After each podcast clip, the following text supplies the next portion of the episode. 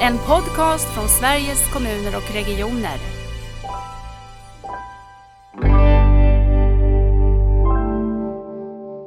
Hoppsan, och så sitter du där nu då. Ja, ja men, men det är liksom hela tiden eh, saken som har drivit mig vidare. Och önskan att kunna förbättra och att påverka på så sätt.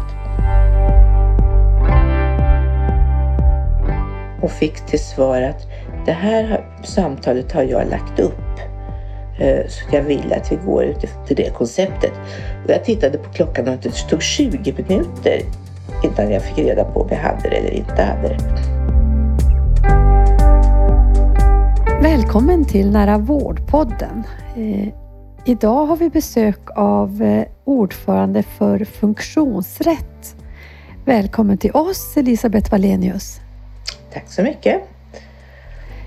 Du får börja som vi brukar börja våran podd och berätta.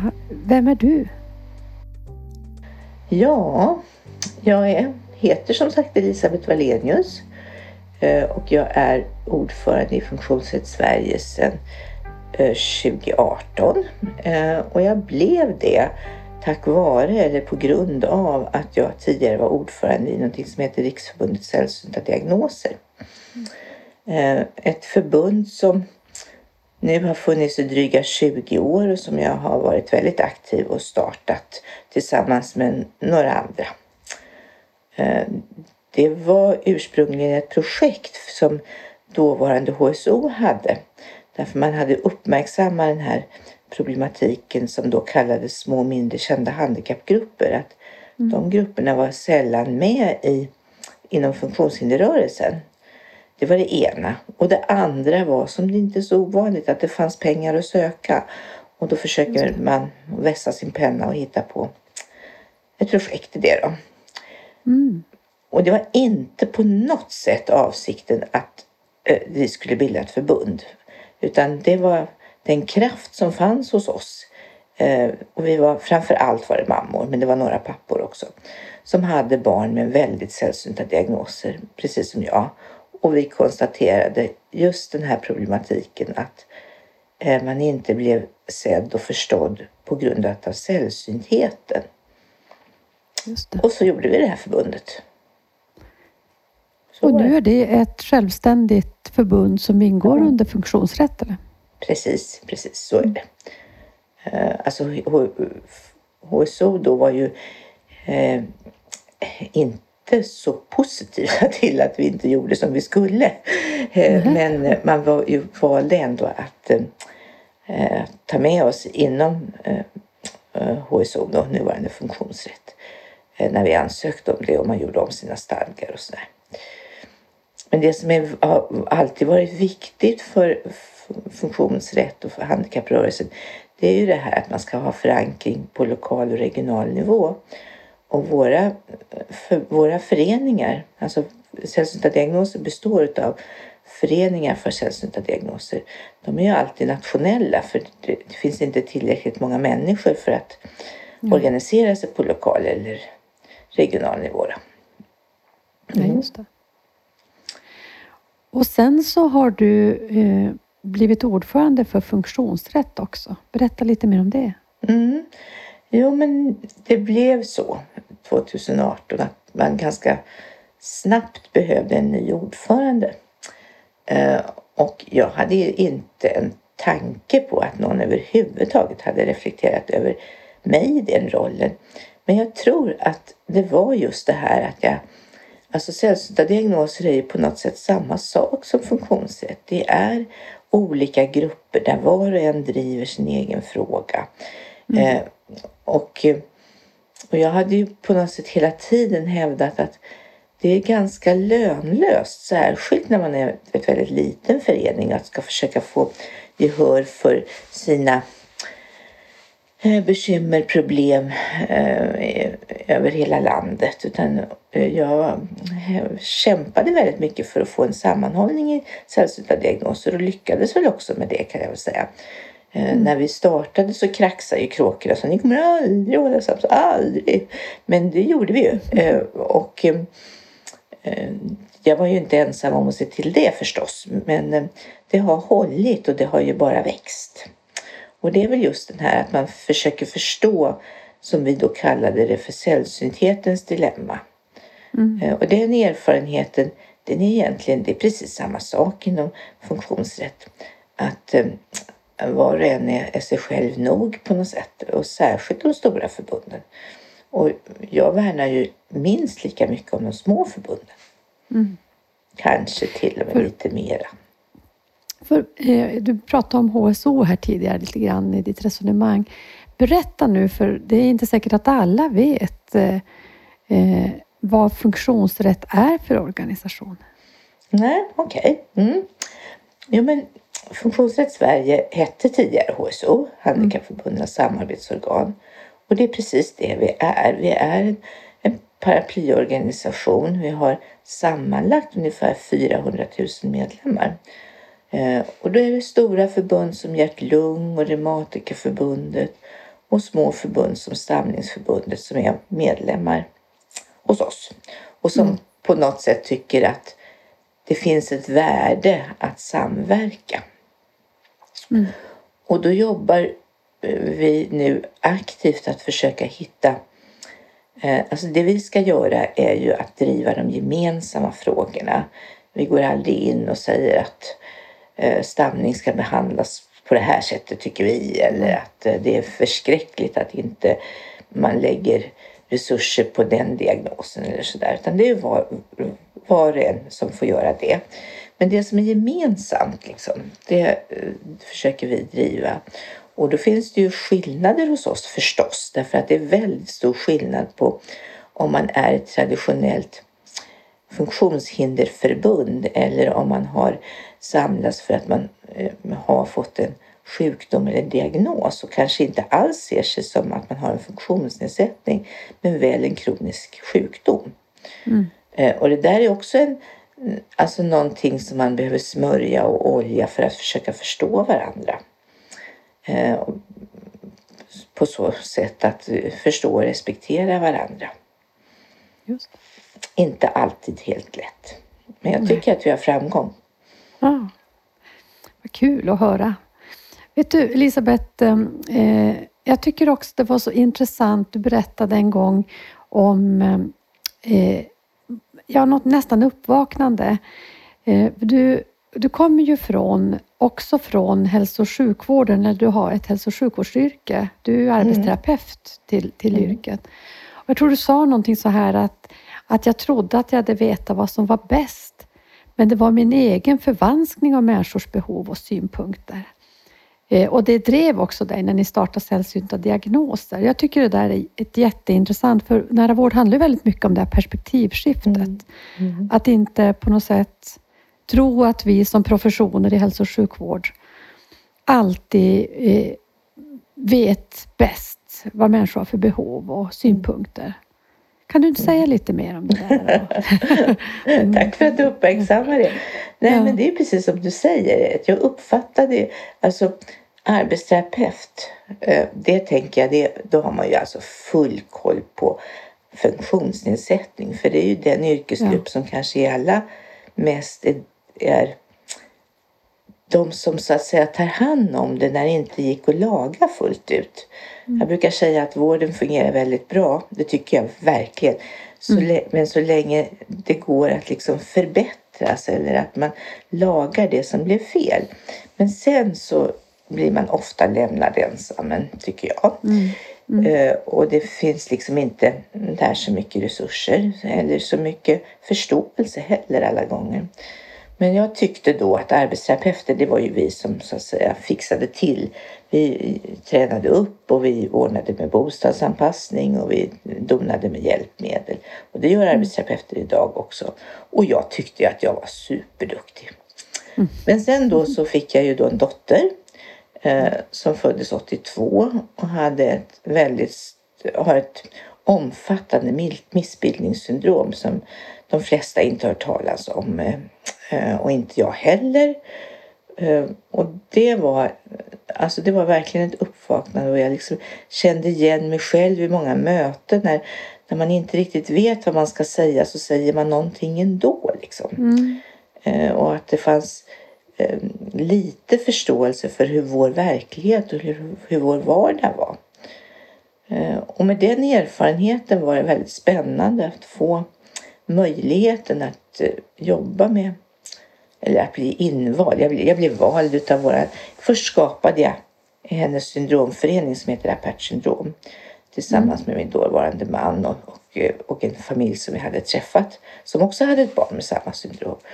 Eh, så då skapade vi den föreningen och sen så blev jag vald att komma med i det här projektet som jag pratade om som HSO hade. Och, ja, och så det bara blev liksom. Men det kändes ändå som att erfarenheten från både vården och att vara förälder till det här barnet. Det var det som, som liksom, de sakerna ihop som gjorde det möjligt. För i grunden är jag ingen föreningsmänniska. Jag visste inte väl särskilt någonting om föreningar och varför man hade dem. Och, ja, ni vet det där med stadgar och regler och sånt där. Det var långt ifrån mig. Och när jag säger det så skrattar människor därför att det är ju hoppsan, och så sitter du där nu då. Ja, ja, ja men, men, det är liksom hela tiden eh, saken som har drivit mig vidare. Mm. Och önskan att kunna förbättra och att påverka på så sätt. Mm. Och jag tycker, varför jag nämnde det där eh, som du berättade, det jag är också för att jag tycker att det är så starkt. Det visar ju på något sätt hur, hur när man får ett nytt perspektiv så ser man att ja, men det perspektiv jag länge burit på och varit så övertygad om kan mm. också faktiskt vara så fel mm. och vara mm. intresserad av det här andra perspektivet. Och det är ju otroligt eh, viktigt, tänker jag, måste vara för er i just er förening och er rörelse. Det handlar ju väldigt mycket om det här perspektivskiftet som ni jobbar för. Mm. Eller hur? Ja. Mm. Du, jag tänker eh, på det här med nära. Eh, när du eh, tänker på nära, ordet nära, mm. vad är då det för dig? Ja, alltså utifrån mitt, min gamla roll när jag drev centraliserad vård och att man behöver skapa eh, vård som tar emot personer som är ovanliga. Eh, då eh, då är det inte nära vård om vi tänker på det fysiskt som är det avgörande. För då kan man tänka att ja, jag åker vart som helst bara jag får hjälp. Och jag är inte ett dugg intresserad av att möta distriktsläkaren på, som, på vårdcentralen fem minuter bort. Därför det ger mig ingenting. Utan då är nära vård just att jag får rätt hjälp, att man har kompetens och kunskap eh, eller åtminstone att man vet att man inte har det. För det är ett annat problem.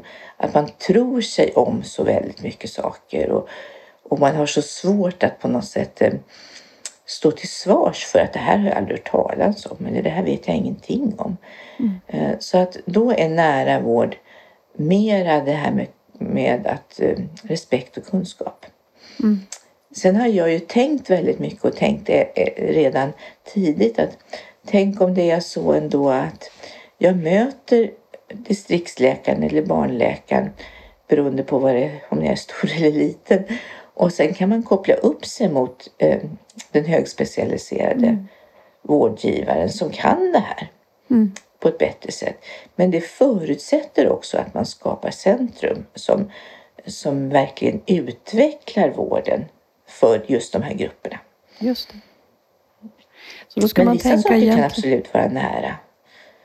Just men den det, fysiska egentligen... närheten är inte viktig för mig, men den är viktig Nej. för många andra. Just det. Jag tänker på Västra Götalandsregionen gjorde tidigt i sitt arbete med omställningen av hälso och sjukvården en bild som jag tycker är väldigt bra. Den beskriver nära ur tre perspektiv. Och där är det här geografiska, det som är att kunna komma nära. Men det är också tillgänglighet och det tänker jag att det är också det du pratar om är ju tillgängligheten till rätt kompetens. Det spelar ju ingen roll om jag kommer till nära eller snabbt om det inte finns rätt kompetens bakom de här centren. Mm. Och sen har de den tredje delen som handlar om, om nära och då är nära mer att vara mer personcentrerad, att nära ska jag säga, kognitivt eller bemötandemässigt mm. nära också. Mm. Jag tycker det är ett spännande sätt att, att mm. beskriva, för det tycker jag inrymmer mycket nära vård också. Mm. Ja. Jag, jag frågade dig innan, precis nu när vi skulle spela in, att vi hade planerat in den här inspelningen för ganska länge sedan, du och jag, Lisa. Men sen så fick du en egen... eh, Du blev sjuk själv och Mm. fick möta vården. Och jag frågar, vill du relatera till det också? För du har ju din starka drivkraft i ditt, din mammaroll och din närstående perspektiv. Mm. Men har, har någonting förändrats i synen på det här med nära eller synen på hälso och sjukvårdens utveckling efter din egen sjukdom? Eh, ja, men jag har reflekterat mycket och det tror jag att det visste jag nog egentligen innan. Jag fick ju en cancerdiagnos. Jag har haft ett malignt melanom som hade spritt sig. Eh, Så att eh, det- det debuterade som en knöl i ljumsken och jag tog inte det särskilt hårt men ändå sökte jag vård och det var fantastiskt. Det hände ju saker hela tiden. Jag, jag blev, eh, ja, jag fick, jag fick komma till, var tillgängligt som 17 och, eh, och fantastiskt bra på alla sätt och vis måste jag säga. Och jag var o- otålig eh, men ändå nöjd med det, att det gick så fantastiskt fort. Eh, och samtidigt reflekterar jag så var det också så här att i precis samma läge så blev min dotter sjuk, hon som har det här sällsynta tillståndet. Att hon eh, kunde inte behålla mat utan hon började kräkas. Eh, och det tog evigheter innan hon fick någon hjälp. Eh, och, eh, och ja, det var väl... Hon sökte vård på vårdcentral i oktober. Eh, kom till mag-tarm i januari och så visste man inte vad man skulle göra. Eh, och hon bara kräktes och kräktes och kräktes. Och jag fick hela tiden liksom. För mig visste de vad de skulle göra med. Just Eh, och det är ju eh, avgörande tycker jag. Om man, om man vet eller inte vet. Eh, sen så, jag blev opererad och jag har fått goda svar på att man har fått bort mm, min cancer. Och jag har blivit erbjuden eh, sånt här läkemedel som stärker mitt immunförsvar. Eh, dyrt som skrutt. Eh, kanske inte ens en gång behövs för cancern är ju borta. Men jag har fått det i alla fall och allting liksom har rullat på. Ända till jag har fått stora problem med mitt ben. För alltså hela, alla eh, lymfkörtlar i ljumsken är borta. Eh, och det visste jag ju att det skulle hända. Eh, men jag visste inte att jag skulle få så ont. Jag kunde tänka att det skulle bli tjockt. Eh, men nu eh, är jag liksom Ja, nu, är inte så, nu är inte jag så intressant längre på något vis. Och, och lymfterapeuter finns det inte så många och man vet inte vad man ska göra och sådär. Så att i det akuta skedet så var det perfekt. Eh, Men nu är det, nu får jag, jag strider ganska bra eh, fortsättningsvis då. Vad, vad tänker du att det, allt det här beror på? För, jag tänker det är en fan, fantastisk historia på att verkligen beskriva någonting som vi hör om ibland och som jag Mm. tycker hänger väldigt mycket ihop med den nära vården. Vad Jo, men beror det jag här tror på? att det, jag, jag kanske inte pratar färdigt om min dotter då som inte Nej, det. fick någon hjälp. Det händer, handlar så otroligt mycket om om man vet vad man ska göra eller inte vet vad man ska göra. Och om man inte vet vad man ska göra då är det inte så lätt att vara vårdgivare och då är det lätt att man glömmer bort eller kryper undan eller ja. eh, Och jag tror att det är ännu viktigare då du nämnde personcentrerad vård, att liksom sätta sig ner och diskutera och vara ärlig och tydlig i det. Att eh, jag vet inte, men vi måste liksom försöka hitta en lösning för dig i det här. Just det. Eh, och, eh, ja, och, att, och att inte gömma sig liksom bakom något annat och bli otillgänglig. Eller skicka vidare, men det där får det vårdcentralen ta hand om. Så. Ja, jag delar dina erfarenheter och jag tänker också att eh, när, både när man inte vet vad man ska göra eller när det inte finns något att göra. Man kan säga vi har inte någon bra behandling på det här. Då kan man också bli lämnad ganska ensam. Och, och jag känner att just då kanske det här med kontinuitet, det här med att kunna ta upp sina problem även om man inte riktigt vet vad vården inte riktigt vet vad den ska göra och få på något sätt testa sig fram och få en bra vardag och kunna ha så mycket hälsa som bara går trots det att det också är vårdens uppgift. Och att där har vi ju inte riktigt, eh, där är vi inte tränade. Nej, men det är jätteviktigt. Mm. Eh, och så tänker jag att det är viktigt att alltså det här med rehabilitering, att den mm. liksom utvecklas och blir, eh, blir bättre. Eh, mm. och, och sen har jag ju en annan sån här käpphäst och det är ju vuxenhabilitering. Att vi jämför ofta rehabilitering och habilitering. Men det är väldigt långt emellan egentligen. Eh, och det som jag skulle önska, och det är utifrån min egen erfarenhet då, eller min erfarenhet av hur min dotter har det, alltså en mycket, mycket bättre vuxenhabilitering. Just det. Eh, Säg något jag... vad du tycker, eh, vad du ser saknas i vuxenhabiliteringen. Ja, nästan det mesta. Den är ju också, ser ju också väldigt olika ut. Eh, eh, jag tror att, vi, att det saknas, eller jag vet att det saknas läkarkompetens. Därför att ofta så hänvisar man till vårdcentralsdoktorn. Eh, och vårdcentralsdoktorn kanske inte alls är så eh, inläst på just och har förståelse för den här personen som kanske har en mm. nedsatt kognition. Eh, och den dagen som, alltså det man behöver ha när det gäller vuxenhabilitering det är ju också ett intyg som man ska ansöka om olika saker på Försäkringskassan.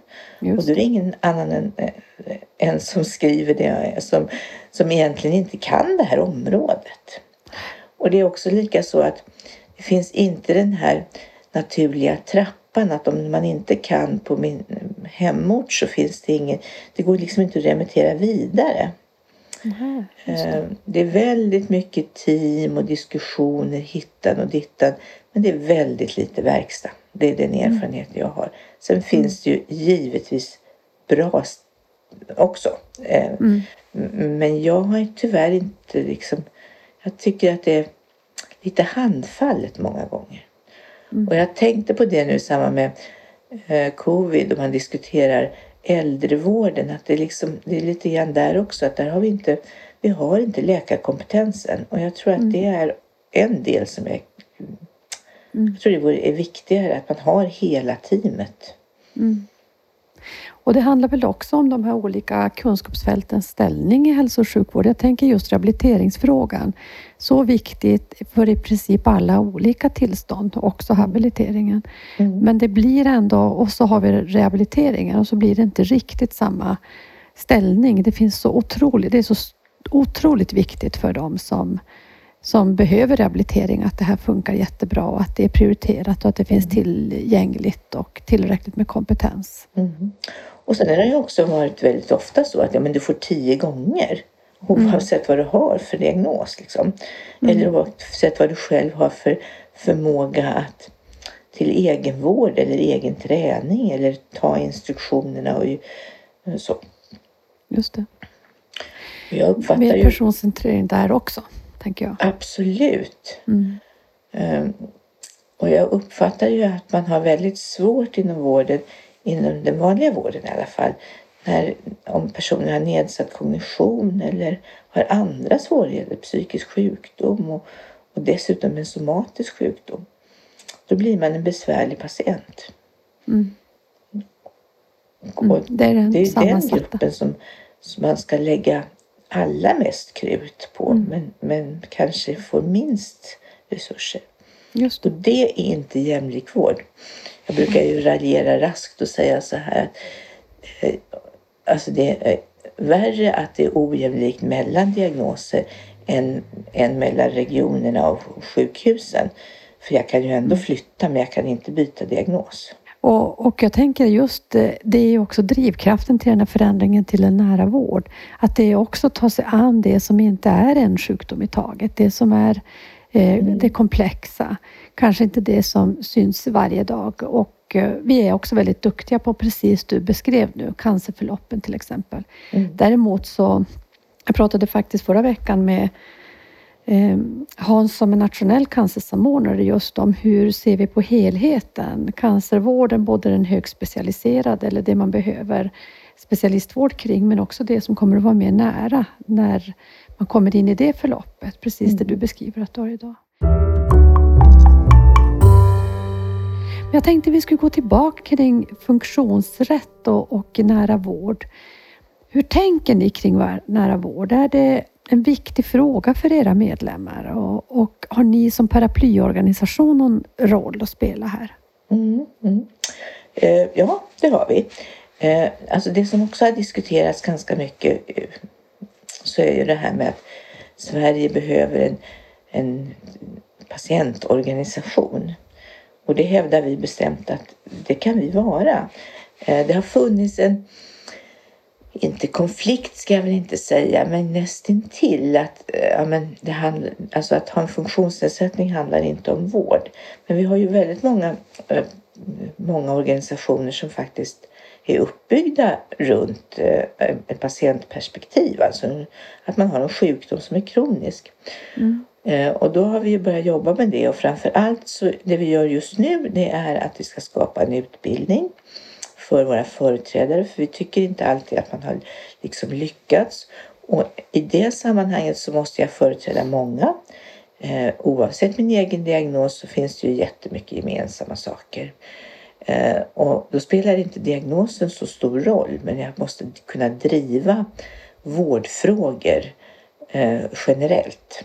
Det. Eh, det tycker jag är eh, jätte jätteviktigt och där behöver vi bli bättre, vi behöver bli respekterade, vi behöver bli använda därför att då handlar det inte längre om att jag pratar egen sak utan då handlar det om att jag pratar för många och att jag har ett, alltså ett demokratiperspektiv och att jag tar reda på vad tycker gruppen om det här innan jag går in och diskuterar frågan. Mm. Eh, och där, där hoppas vi att vi blir mycket mer eh, använda. Men, men jag vet också att vi inte vi har hittills inte kunnat upp, fylla upp alla de luckor som vi behöver vara i. Då. Eh, men det är någonting tänk... som vi jobbar mycket med. Just det. För var, var har ni era mötesplatser? Eller hur möter ni och kan påverka hälso och sjukvård? Är det eh, i regioner och kommuner framför allt? Eller hur ser det ut? Nationell ja, nivå finns nu, det vet, vet mm. eh, och, Men även eh, nationellt så att säga mm. hos er på SKR. Mm. Och, och som sagt, det vill vi. Sen mm. är det ju så att Funktionsrätt är en organisation som där vi har helt fristående funktionsrätt Sörmland och Västra Götaland och så. Eh, och de är liksom uppbyggda utav sina regionala föreningar så att vi har egentligen ingen påverkansmöjlighet eller eh, det har, det har liksom varit utifrån varje förbund att liksom påverka sina, eh, sina föreningar på lokal och regional nivå. Men det är också ett arbete som har påbörjats att vi ska ha samma budskap. Eh, vi fick ju, man tog ju de flesta tog ju det samma namn då när vi bytte namn. Men mm. kanske inte utifrån att det betyder verkligen att det är så här man driver frågor. Och, och, och just det där jag sa att det är så otroligt viktigt att om jag går in och företräder många så måste jag eh, titta lite högre än mitt eget perspektiv eller till och med mitt förbunds perspektiv. Och då ska vi ju också vara väl medvetna om det här som jag pratade om, personer som har nedsatt kognition som inte alltid kommer till tals. Mm. Eh, för det är ett jätteviktigt arbete som vi har ett ansvar för. Är vi ett funktionsrättsförbund så måste vi se alla. Just det. Det är vi skyldiga mm. till och det är det viktigaste jobbet tycker jag. Mm. Vad skulle du ge för um, tips till uh, kommuner och regioner som vill komma i närmare kontakt med funktionsrätt och era organisationer. För det finns ju ett väldigt, jag ser ju att eh, det finns en mycket större medvetenhet än kanske för eh, fem till tio år sedan om att verkligen vilja jobba involverande med patient och brukarrörelsen. Mm. Men det finns också inte en jättestor vana. De flesta regioner har ju sina patient och eller eh, brukarråd och sina pensionärsråd också som man Mm. jobbar vid.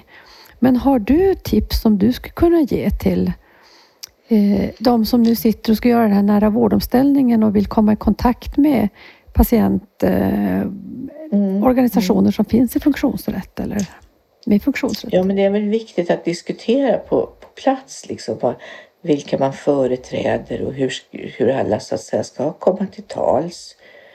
Eh, För det är ju viktigt. Mm. Eh, Och att, eh, och att även om erfarenheten inte alltid har varit så klockrent bra så att, att kanske ta nya tag och också ha förståelse för att det här är personer som har ett, arbete, ett helt annat arbete eller är pensionärer och kanske inte så vana vid att eh, arbetssättet och att man förbereder sig ordentligt och att man ställer krav på våra företrädare att, att liksom vara ha läst på det som ska läsas på eller, och att man mm, ja, hjälper till att få liksom eh, få alla perspektiv. Liksom. Mm. För vi, det är lätt för oss alla att bli väldigt enögda. Både för oss som ska företräda andra eh, men det är också lätt att vårdgivare blir enögda utifrån sitt lilla område. Så att, eh, att liksom ha det med sig, Ja. tänker jag. Jag, jag kommer på, ihåg en, ett samtal vi hade eh, i min andra roll när, som utvecklingsdirektör så var jag med i ett arbete där vi skulle titta på patient och brukarmedverkan i kunskapsstyrningen och hur viktigt det är att verkligen vara tydlig när vi nu går in i sådana här gemensamma strukturer där vi kommer från olika håll. Annars är vården van att jobba med, med sig själva om man så säger. Mm. Att vi faktiskt också pratar om vad det här mötet ska handla om, hur vi lägger upp arbetet och hur vi alla får samma förutsättningar och varför vi kommer från olika perspektiv. Att det är kanske är något man hoppar över och verkligen Mm. lägga lite vinn via att vi ska faktiskt eh, prata om arbetssätten för att skapa bra plattformar för alla oavsett vilket perspektiv man Mm. har med sig och vilka man företräder. Och det håller jag med om. Mm.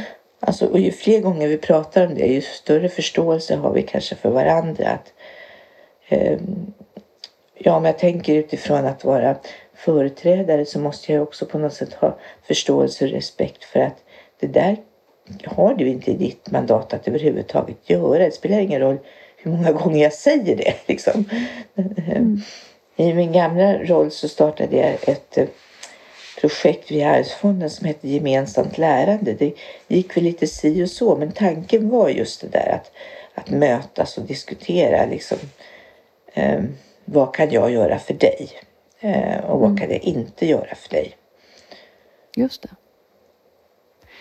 Eh, Jag tänker på det här med personcentrering, för det är också grundplattan i omställningen till nära vård och tänker jag, hela svensk hälso och sjukvård måste ju vila på det.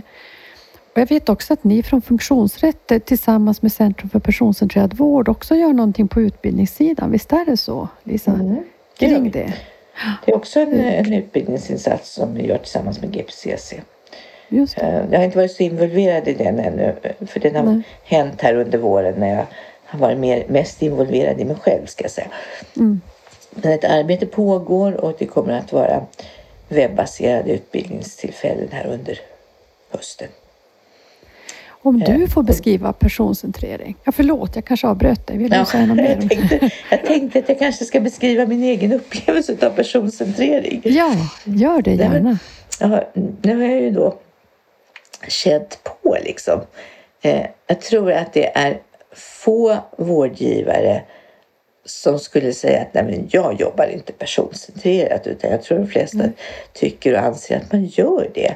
Men Mm. man har ändå gör det utifrån sitt eget perspektiv eller man gör det utifrån som man är van att jobba.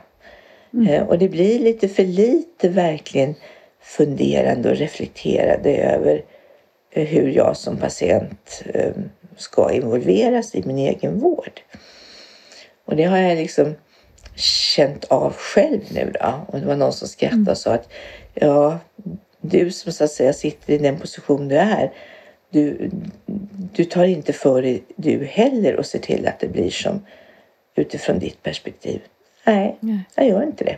Jag har inte gjort Nej. det. Nej. Och varför, gör, varför är det så? Har du hunnit reflektera över det? Ja, men jag tror att det är så att man i den situationen eh, förlitar sig på att ja, men det är nog bra och nog rätt. Liksom. Eh, jag får anpassa mig efter det här. Eller, jag Ja. eh, förmår inte heller i den situationen att, att påtala eller driva den frågan. Jag kommer väl ihåg Eh, jag var sjuk för några år sedan också. Då trodde man, vilket jag inte hade, men att jag hade tarmcancer. Eh, det var ju skönt att jag inte hade det. Men då vet jag att jag kom in till en doktor som jag sa att berätta nu för mig om jag har cancer eller inte. Och fick till svar att det här samtalet har jag lagt upp. Eh, Så jag vill att vi går ut efter det konceptet. Och jag tittade på klockan och det tog 20 minuter innan jag fick reda på om jag hade det eller inte hade det. Och hade jag sagt till den vårdgivaren att "Nej, men det här är inte personcentrerat så tror jag att jag in- inte hade fått förståelse för det. Nej. Eh, Om du skulle beskriva eh, varför perso- vad personcentrering är då och varför det är viktigt, hur skulle du beskriva det då? Nej, men personcentrerad vård för mig det är ju verkligen att få de här samtalen, att, att reflektera över vad jag vill i, i det här mötet och vad jag vill utifrån min sjukdom och hälsa och, och så. Eh, och, och att eh, min vilja har ett stort värde.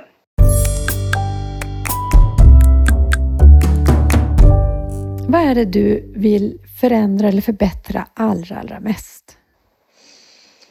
Jo, men jag vill se till, eller hoppas på, att alla får tillgång till god vård. Eh, oavsett diagnos och oavsett min, min kognitiva förmåga eller, eller att jag har många olika diagnoser. Mm.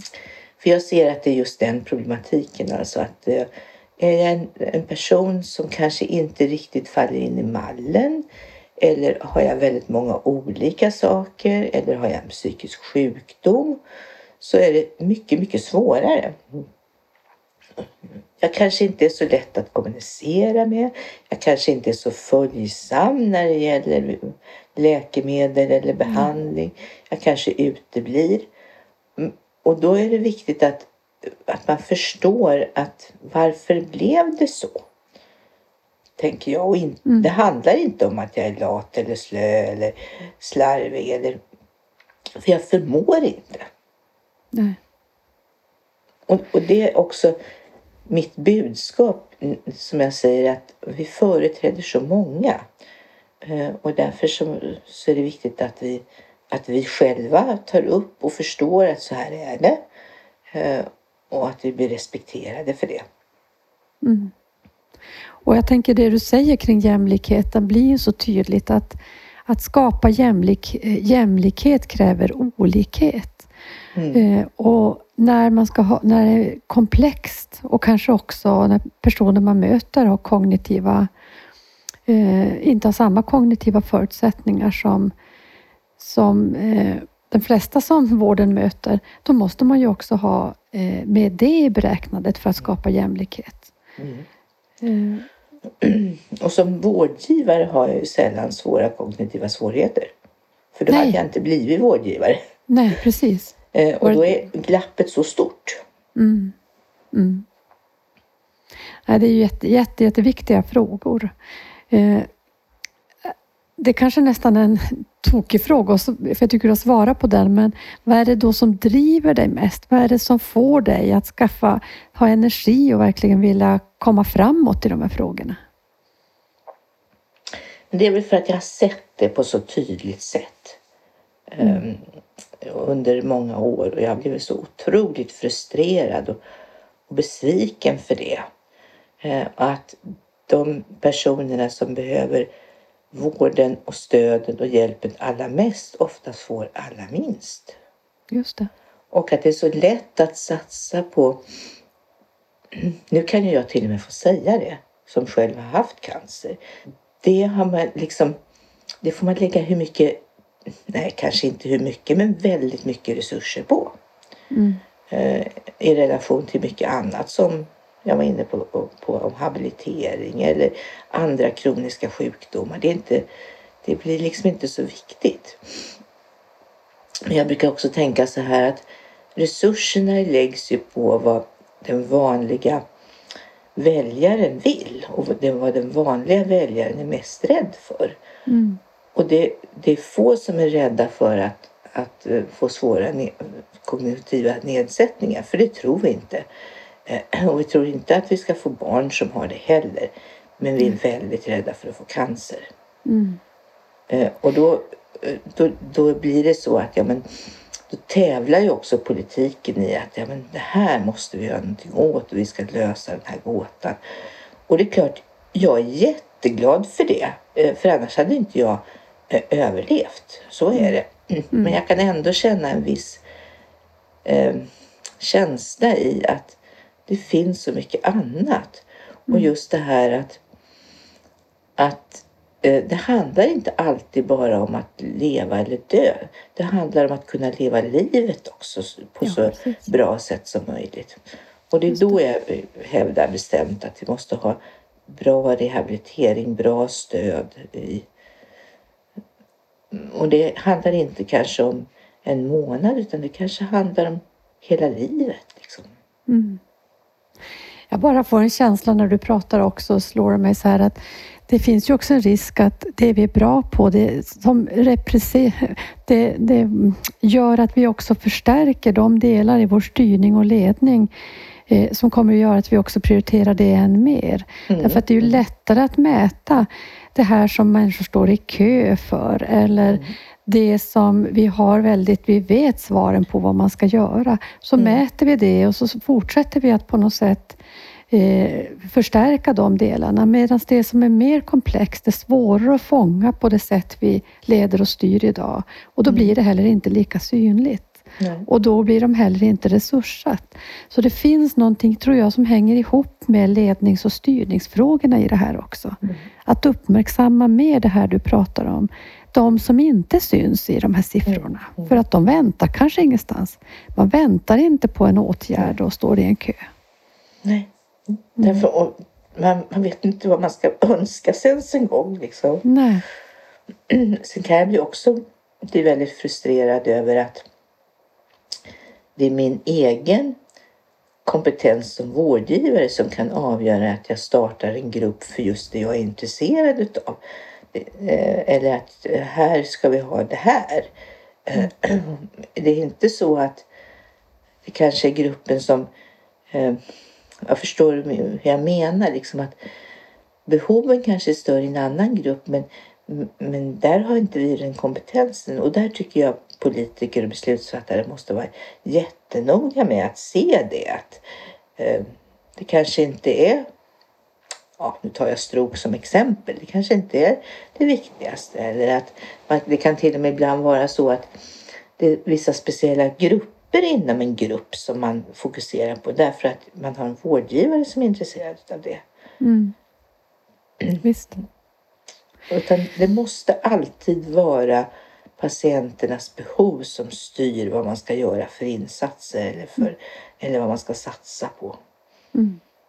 Och då måste vi också ha instrument och sätt att fånga patienternas behov. För tänk om vi bara fångar delar av det vi, och, och tror att det är det sanna behovet. Mm. Det här med att det inte syns allt. Nej, precis. Elisabeth, vi ska börja runda av, men jag tänker, är det någonting vi inte har pratat om som du gärna hade velat ha sagt? Nej, jag tror att vi har pratat om det som jag tänkte prata om eller som du frågade mig Mm. om. Ja, det skulle möjligtvis vara det här med, med företrädare, hur vi så att säga ska säkerställa det och hur man- man kan ta med det i finansieringen och vad ska vi, hur ska det ersättas, den kompetensen. Det behöver vi jobba vidare med. Därför att man får ju de företrädarna som, som man betalar för också. Eh, och eh, där behöver vi hitta lösningar, liksom, tänker jag. Mm. Eh, det räcker inte med att man får ersättning för en dag utan det, det är så att man ska göra ett kanske större jobb och, och framför allt kräva att, att man har en grupp omkring sig som man bollar med och att det är också ett jobb. Mm. Och då tänker jag att vi är inne egentligen åter på styrnings och ledningsfrågorna. Att med en ny nära vård som är mycket mer samskapad, också med civilsamhälle och invånare och då behöver vi också hitta nya ersättningsmodeller och system så vi får det här på plats på ett bra sätt. Mm. Eh, jag tänker tack för ett jättefint samtal Elisabeth. Eh, du väckte många tankar och eh, budskapet om vikten av jämlikhet tror jag vi alla som kommer att lyssna på det här kommer att känna väldigt starkt. Så tack för att du ville vara med i Nära vårdpodden. Tack så mycket att jag fick vara med. Det var jätteroligt.